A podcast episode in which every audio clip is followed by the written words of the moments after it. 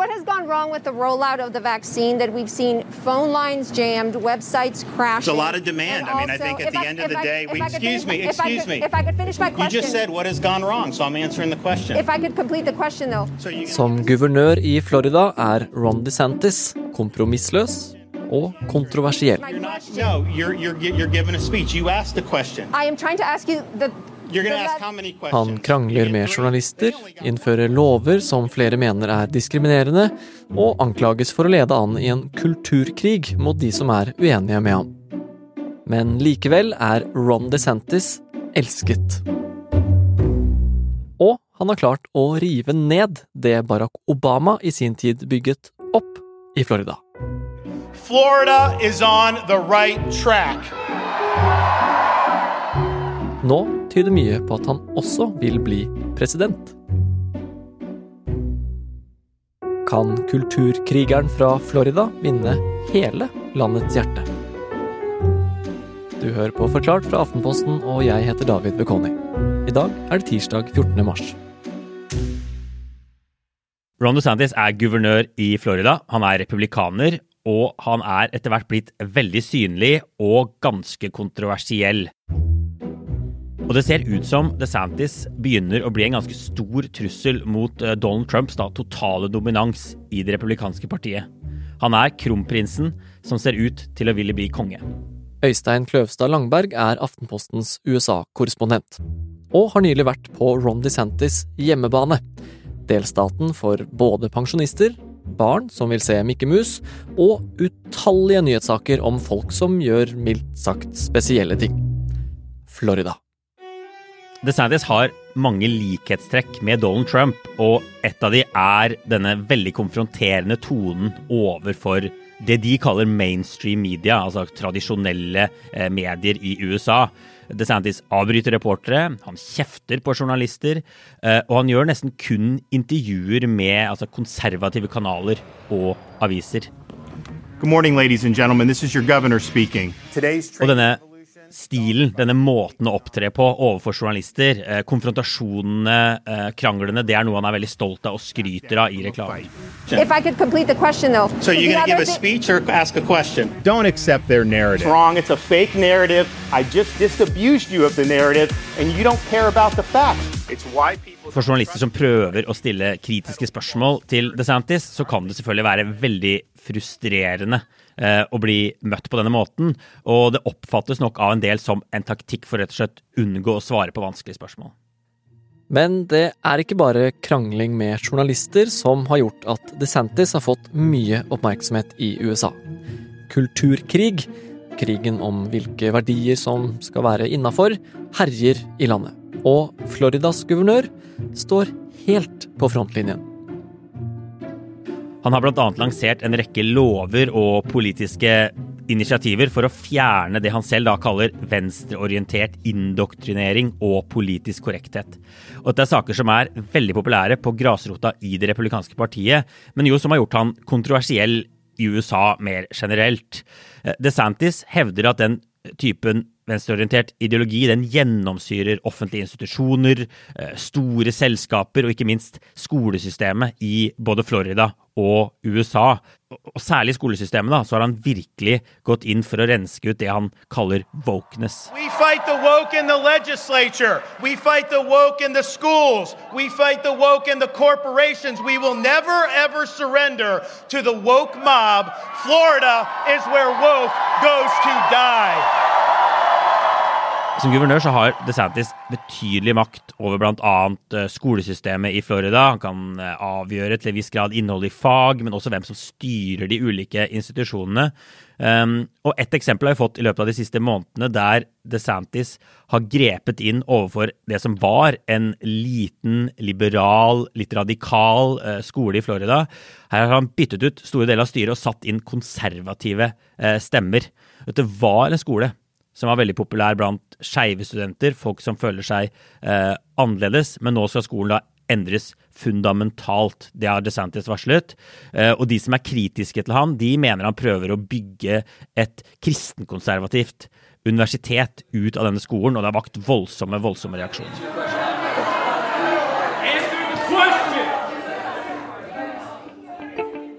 Og den lille liberale skolen er bare ett eksempel. DeSantis har også gjort store lovendringer som legger begrensninger på hva som kan læres bort på skolene i delstaten. Du husker sikkert Parental Rights in Education-loven? Ok, kanskje ikke, men kallenavnet som den har fått av kritikerne, det er bedre kjent. Don't Say Gay-loven. Loven forbyr rett og slett lærere ved Floridas offentlige skoler å undervise om seksualitet og kjønnsidentitet, til og med tredje klasse på, på, barneskolen. Men kritikerne de peker på at loven rammer langt bredere enn det, og gjør at lærere i store deler av skolesystemet frykter for hva de kan si om nettopp disse tingene, altså seksualitet. Uh, og Vi ser også at DeSantis sin politikk fører til at bøker om disse temaene blir uh, bannlyst fra skolebiblioteker. Uh, vi har sett bilder i mediene av tomme biblioteker på skoler hvor alle bøkene er fjernet inntil de eh, kan bli godkjent, inntil lærerne føler seg trygge på at disse bøkene er greie å ha. I tillegg har DeSantis satt ned foten for et fag på videregående kalt African American Studies, blant annet fordi han mente det prakket en agenda på amerikanske barn. Så DeSantis har gjort en del ting som for mange kan virke litt ekstremt, og han har mange kritikere. Men likevel elsker Florida ham. Hva er det han gjør som funker så bra?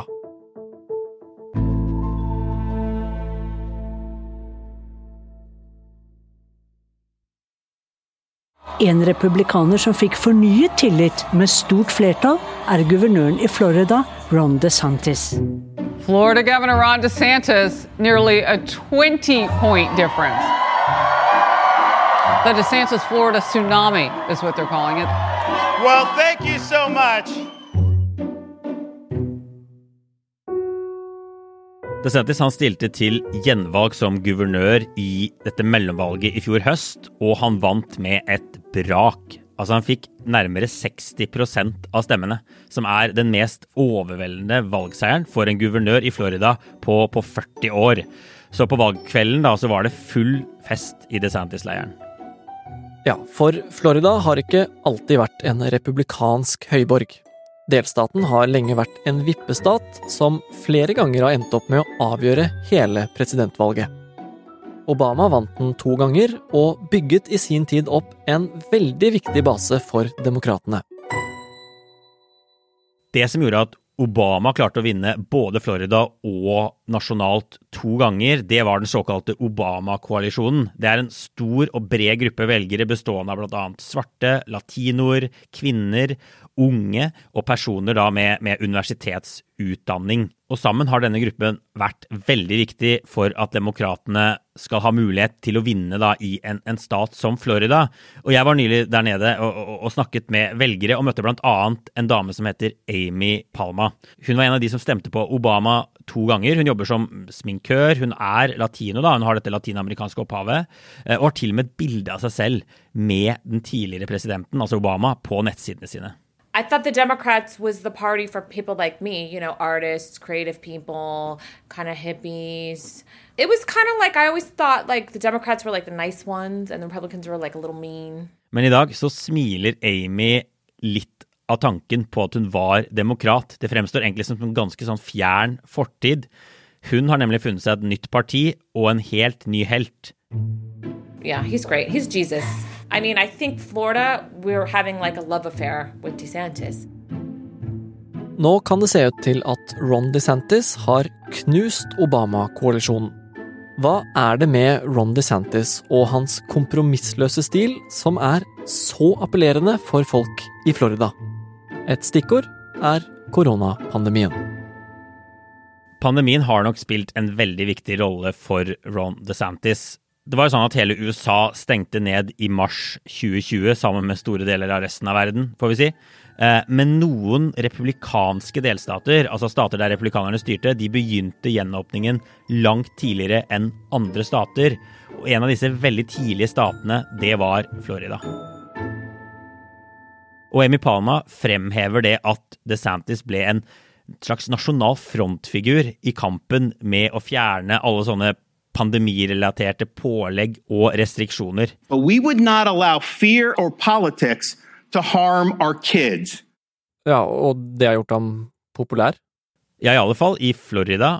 Nedstengning har jo store konsekvenser for mange, men særlig kanskje barnefamilier og folk som driver egne bedrifter. Og Amy Palma er jo i begge disse kategoriene, og hun sier jo at DeSantis ga henne hverdagen og livet til tilbake. Ok, så pandemien har gjort eh, DeSantis til en slags hjemåpningshelt i Florida, da. Eh, hva annet er det som har gjort ham populær? Delstaten har en ganske sterk økonomi. Arbeidsledigheten i Florida er på 2,5% som er blant de aller, aller laveste i, i hele USA. Det høres ut som han er ganske flink eh, på det han driver med som guvernør, da. Altså Valgresultatet viser jo i hvert fall at det er mange som setter pris på måten han styrer på, på gjenåpningen, på den sterke økonomien, på den generelle styringen av delstaten.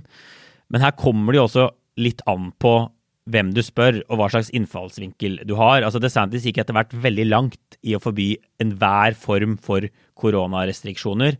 Han nektet å svare på om han hadde tatt en påfyllingsdose med vaksinen, noe som gjør at han fikk anklager om å være en slags vaksineskeptiker. Og kritikerne mener i tillegg at metodene hans, særlig når det gjelder å føre denne kulturkrigen, de er både autoritære og illiberale. Altså tilbake til dette med at han nekter å lytte til dem som er uenige med han. Men for 4 614 000 floridianere er Ron DeSantis det som gjelder. Kan han overbevise resten av landet om det samme?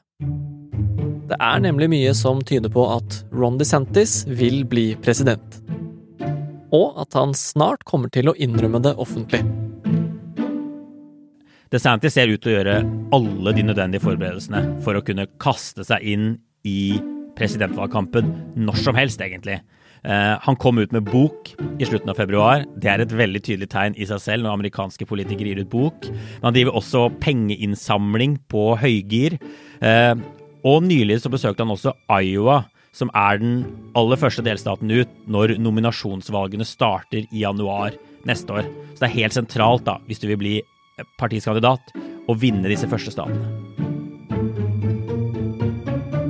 Ok, så det er ikke sikkert at det er altfor lenge da, til vi hører slagord om DeSantis 2024, eh, men hvordan ville han klart seg da mot Biden eller det som blir demokratenes kandidat? Altså, er Florida overførbart til hele landet? Ja, Det er det store spørsmålet. Om Florida er overførbart til hele landet, om DeSantis vil ha noen appell eh, lenger nord, i disse rustbeltestatene f.eks. Eh, Kulturkrigen hans er jo veldig populær på grasrota i det republikanske partiet, men velgere flest er kanskje mer opptatt av økonomi og helt andre ting. Og så er det et stort spørsmål hvor tøff kampen mot Trump kommer til å bli. Vi ser allerede at angrepene mot DeSantis er blitt fryktelig, fryktelig harde. Eh, han risikerer å komme veldig svekket ut av en sånn duell mot Trump, hvis han skulle klare å vinne den. Men igjen, hvis DeSantis klarer å få til noe som ligner på det han fikk til i guvernørvalget i fjor, nasjonalt i USA i 2024, så blir han veldig vanskelig å slå. Altså, Hvis han klarer å bryte ned denne Obama-koalisjonen og tiltrekke seg latinoer og andre minoritetsvelgere.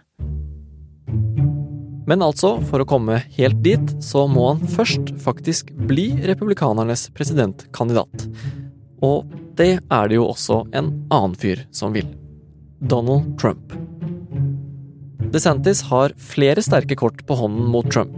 Han er allerede ganske kjent på høyresiden gjennom f.eks. Fox News. Han er ung og har en vakker familie, og han har en del støtte blant rikingene i det republikanske partiet. På papiret så kan han se ut som den perfekte presidentkandidaten. Men Trump har vist seg å være en hard nøtt å knekke. De som er skeptiske til DeSantis' sjanse mot Trump, peker på at han aldri er blitt testet ordentlig på den nasjonale arenaen i USA. Og de viser også til at motkandidaten i fjorårets guvernørvalg, der DeSantis vant så stort, han var veldig, veldig svak. Og så er det noen som mener at DeSantis mangler evnen til å vise empati med vanlige amerikanere, og at han ikke er i nærheten av å ha Trumps tiltrekningskraft og karisma. Men dette er noe som DeSantis-fansen bare fnyser av. Sminkøren Amy Palma, som vi har snakket med, hun bare rister på hodet av sånne påstander om DeSantis. I think he's more charismatic than Trump.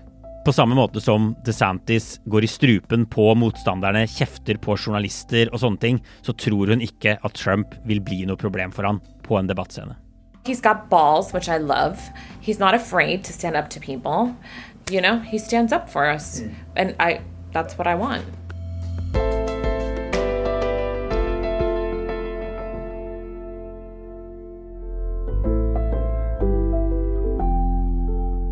Du har hørt en podkast fra Aftenposten. Det var Øystein Kløvstad Langberg som forklarte hvorfor Ron DeSantis kalles Jesus i Florida. Kanskje snart i hele USA? Det er også Øystein som har tatt opp lyden av Amy Palma og på skolen i USA. I tillegg har du hørt lyd fra CNN, Fox News, NRK og Ron DeSantis på YouTube. Denne episoden er laget av produsentene Jenny Førland og Olav Eggesvik og meg, David Vekoni. Resten av Forklart er Synne Søhol, Philip A. Johannesborg, Trond Odin Johansen og Anders Weberg. Takk for at du hørte på. Syns du det er kjedelig å scrolle nyheter i tekst? Skulle du heller ha hørt mer nyheter enn dagens kvarter med Forklart? Nå kan du det. På aftenposten.no og i appen så kan du høre en klona versjon av min stemme lese Aftenpostens artikler. Ikke sant? Sant du kan det? Jo, det stemmer. Mens du går tur, vasker huset eller kommer deg til jobb, leser jeg de nyhetene du vil høre. Avspillingsknappen finner du inne i artiklene på Aftenposten.